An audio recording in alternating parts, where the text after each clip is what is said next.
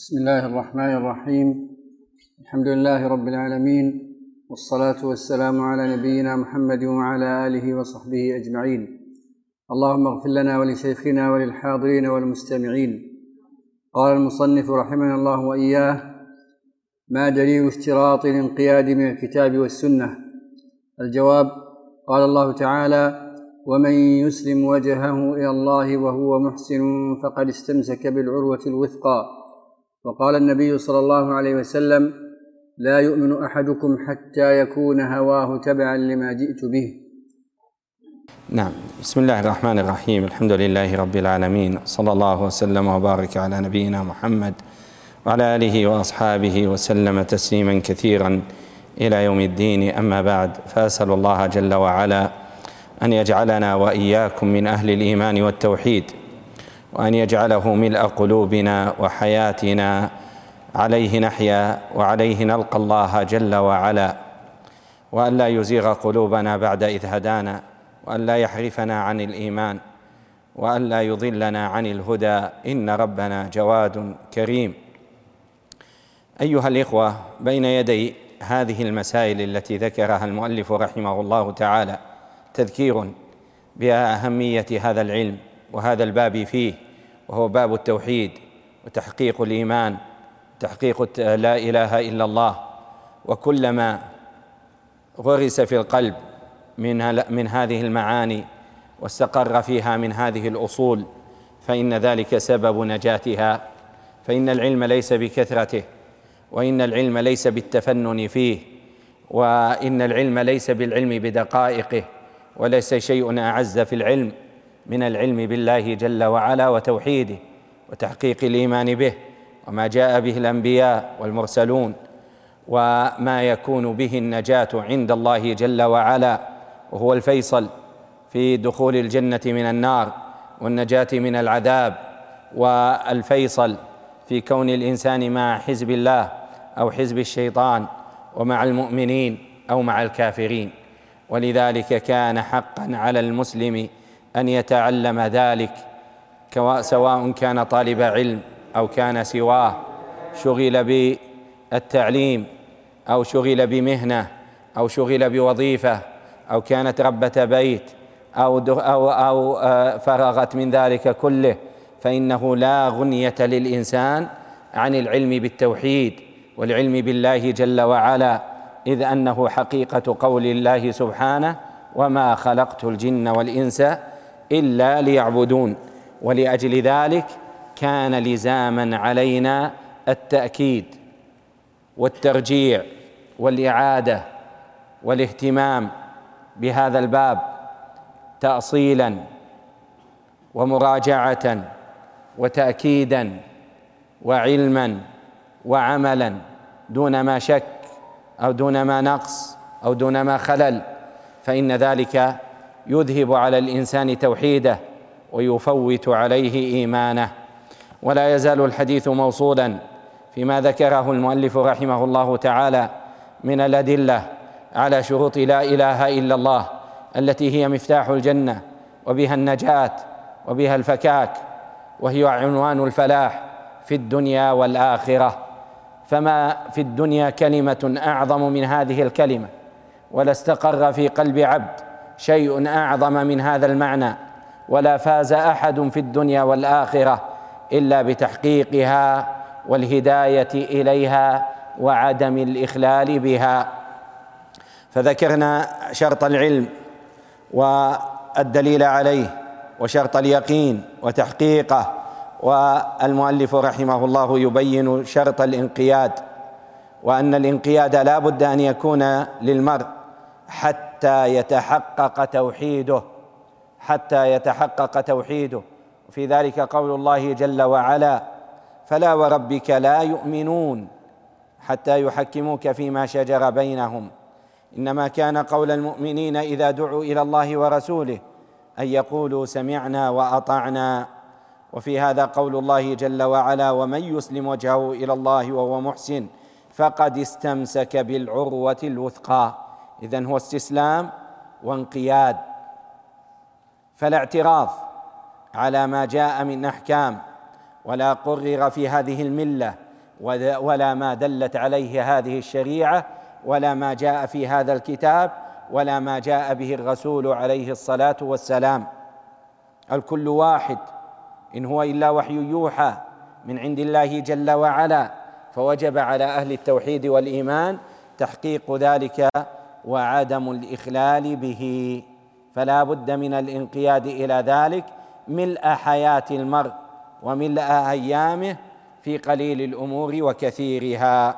ولذلك قال النبي صلى الله عليه وسلم لا يؤمن أحدكم حتى يكون هواه تبعا لما جئت به فهذا الدين محكم للأهواء مقيم لها على ما جاءت به النصوص ودلت عليه السنن. نعم. قال رحمه الله ما دليل اشتراط القبول من الكتاب والسنة؟ الجواب قال الله تعالى في شأن من لم يقبلها احشروا الذين ظلموا وازواجهم وما كانوا يعبدون.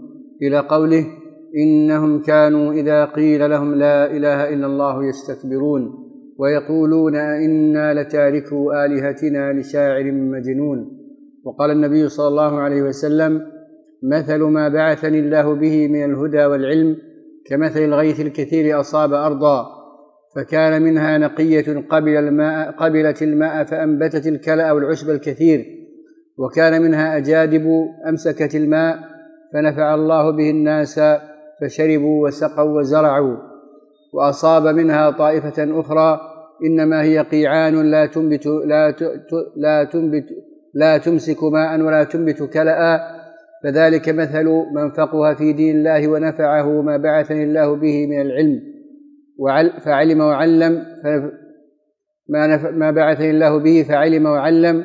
ومثل من لم يرفع بذلك رأسا ولم يقبل هدى الله الذي أرسلت به. نعم هذا إذن هو دليل القبول فلا بد للمرء أن يقبل كل ما جاء عن الله جل وعلا وجاء عن رسوله صلى الله عليه وسلم. فالقبول ضده الرد. فلا يرد الإنسان ما جاء عن الله وما جاء عن رسوله صلى الله عليه وسلم. والانقياد ضده الترك والإعراض والتخلي والبعد. فلا بد من العلم بأن الانقياد والقبول هما شيء واحد لا. هما شيء أحدهما يبنى على على الآخر. فأصل المرء أو فأصل الأمر إنما هو يقين. فلا يكون عند الإنسان شك ثم قبول. فلا يكون عنده رد ثم انقياد لما قبل. فلا يمكن أن يكون عند الإنسان شك ويصح بذلك إيمانه. ولو كان عند الإنسان يقين ثم رد ما جاء عن الله أو جاء عن رسوله صلى الله عليه وسلم فإن ذلك لا ينفعه عند الله سبحانه وتعالى.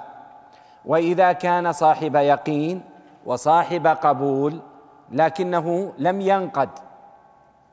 يسمع ويترك يسمع ويهمل يسمع ويعرض يسمع ويقبل على أهوائه وشهواته.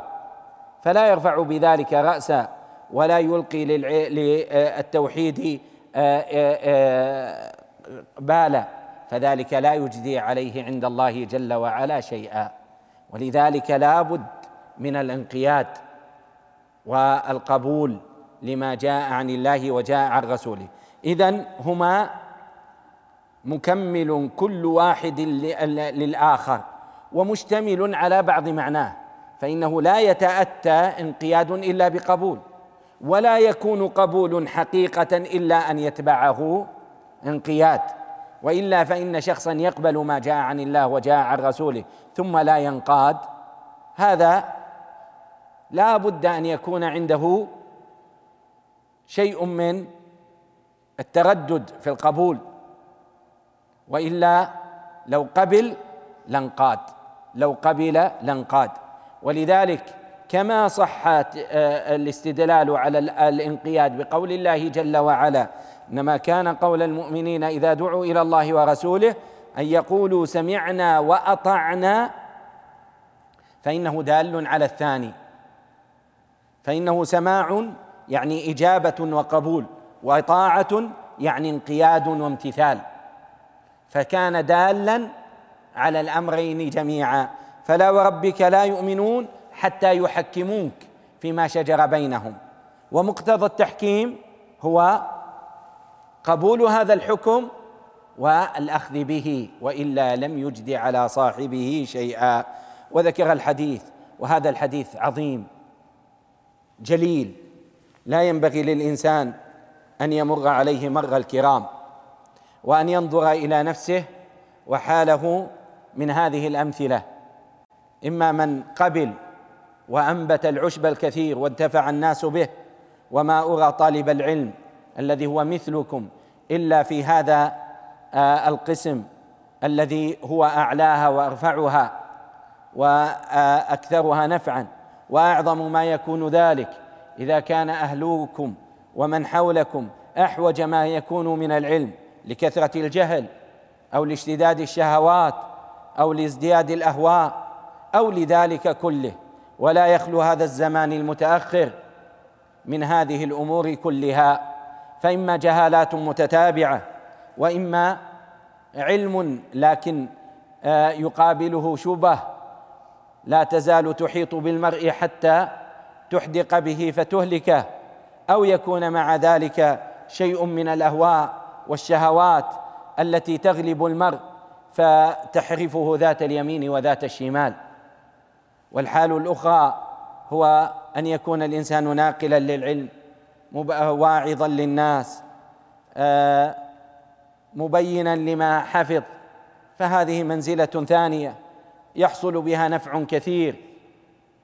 ولذلك كان لها حظ من دعوة النبي صلى الله عليه وسلم في قوله نظر الله عبدا سمع مقالتي فوعاها كما سمع فأداها كما سمعها.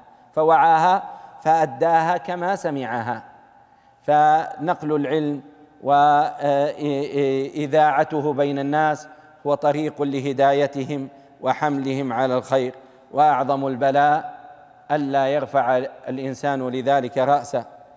فلا يزيده سماع العلم إلا اقبالا على شهواته ورغبة في ملذاته وطاعة لشيطانه فذلك هو الوبال والخسران المبين. نعم.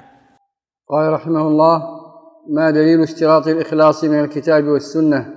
الجواب قال الله تعالى ألا لله الدين الخالص؟ وقال تعالى فاعبد الله مخلصا له الدين. وقال النبي صلى الله عليه وسلم أسعد الناس بشفاعتي من قال لا إله إلا الله خالصا من قلبه. وقال صلى الله عليه وسلم إن الله تعالى حرم على النار من قال لا إله إلا الله يبتغي بذلك وجه الله.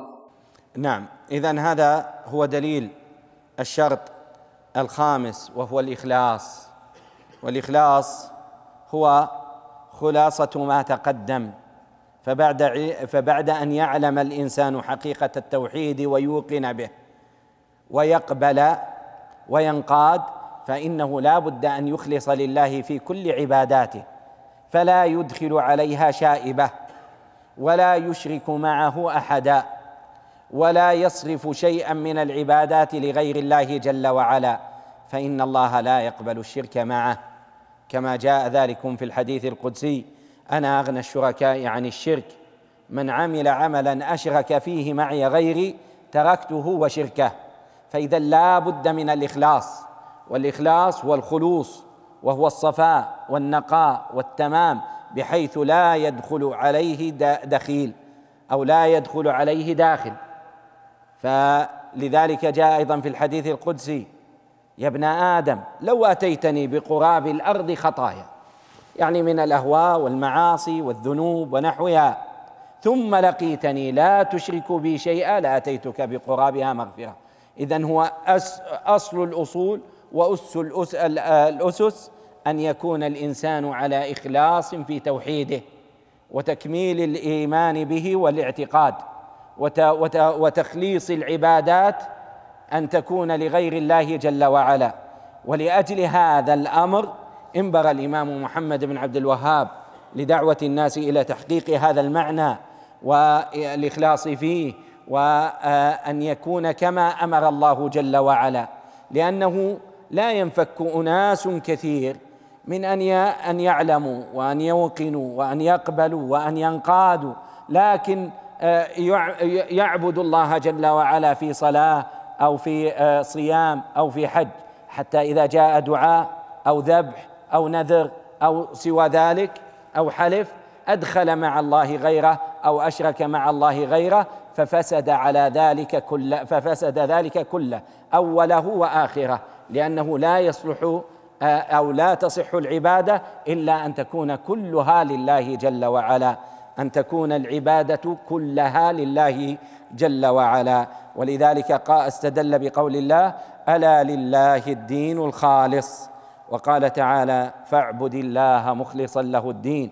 فإذا كان هذا هو أمر الله جل وعلا لنبيه فدل ذلك على أنه أمر لكل أهل لكل أمته أن يخلص العبد لله جل وعلا. وأن الإشراك بالله وسبب للخسران. فلا يكون عبادة إلا لله سبحانه وتعالى. وأسعد الناس بشفاعة النبي صلى الله عليه وسلم هو ليس من طلبها من النبي أو تعرض إليها بالبدع والأهواء أو بعبادات شركية أو غير ذلك بل من حقق الإخلاص من حقق العبادة لله جل وعلا فإن الله يبلغ هذه الدرجة ويوصله إلى هذه المنزلة كما جاء في الحديث أسعد الناس بشفاعة من قال لا إله إلا الله خالصا من قلبه. قول النبي صلى الله عليه وسلم إن الله حرم على النار من قال لا إله إلا الله يبتغي بذلك وجه الله. نعم. قال رحمه الله ما دليل الصدق من الكتاب والسنة؟ الجواب قال الله تعالى ألف أحسب الناس أن يتركوا أن يقولوا آمنا وهم لا يفتنون ولقد فتنا الذين من قبلهم فلا يعلمن الله الذين صدقوا ولا يعلمن الكاذبين. إلى آخر الآيات. وقال النبي صلى الله عليه وسلم ما من أحد يشهد أن لا إله إلا الله وأن محمدا رسول الله صدقا من قلبه إلا حرمه الله على النار. وقال وقال للأعرابي الذي علمه شرائع الإسلام إلى أن قال والله لا أزيد عليها ولا أنقص منها. فقال رسول الله صلى الله عليه وسلم أفلح إن صدق. نعم هذا هو الصدق الذي هو شرط من شروط لا إله إلا الله. فلا بد أن يكون العبد صادقا فيه غير كاذب. فإن الإنسان قد يعلم ويتيقن ويقبل وينقاد ويخلص لله جل وعلا لكنه كاذب في ذلك كله. فمن عقد في قلبه الإيمان ولا توجه إلى الرحمن فإنما هو إخوان أهل النفاق. فإن ذلك لا يجزي عليه شيئا. ولذلك مع إخلاصه وتوجهه إلى الله في عباداته لا بد أن يكون صادقا وليعلمن الله الذين صدقوا ولا يعلمن الكاذبين. فلا يمكن للإنسان أن يكذب على ربه. ومهما استقر في قلبه من شيء فإن الله يعلمه. فهو علام الغيوب يعلم السر والغيب. وكما يعلم الشهادة والعلانية سبحانه من رب عليم. فلا بد من الصدق. وكما قلنا أنه هذا المعنى له اختصاص مع ما يشترك في الإخلاص أو ما يتداخل في اليقين فإنها كلها مكملات لبعض. والمؤلف رحمه الله تعالى أورد آية سورة العنكبوت ولقد فتنا الذين من قبلهم فليعلمن الله الذين صدقوا وليعلمن الكاذبين. وهذه السورة كلها دالة على هذا المعنى من افتتاحها إلى اختتامها وهي حال الذين فتنوا عن دينهم. فإما أن يجاهدوا فيو يبصروا فيهدوا إلى الحق والهدى كما ختم الله بذلك السورة والذين جاهدوا فينا لنهدينهم سبلنا وإن الله لمع المحسنين. وإما أقوام ضلوا في أول الطريق وزلت بهم القدم عند أول فتنة فأضاعوا ما قدموا وما أخروا وما عملوا وما اجتهدوا فإن ذلك لا يجزي عليهم شيئا. وأورد الحديث في قول النبي صلى الله عليه وسلم ما من أحد يشهد أن لا إله إلا الله وأن محمدا رسول الله صدقا من قلبه إلا حرم الله عليه النار أو إلا حرمه الله على النار. فلا بد من أن يكون العبد صادقا وذلك من مقتضيات لا إله إلا الله ومما يعتبر فيها ومن شروطها. وبين النبي صلى الله عليه وسلم حال الصادقين في قصة الاعرابي الذي لما ذكرت له شرائع الإسلام. قال آه، وذكر أن الله فرضها عليه أو ذكر النبي صلى الله عليه وسلم أن الله افترضها. قال والله لا أزيد على ذلك ولا أنقص. قال النبي صلى الله عليه وسلم أفلح إن صدق. فالصدق في ذلك هو تمام حصول التحقيق التوحيد والقيام به ولا خير في من كذب ولا خير في من أخل والخير كله إنما هو في الصدق والكمال لتحقيق لا إله إلا الله.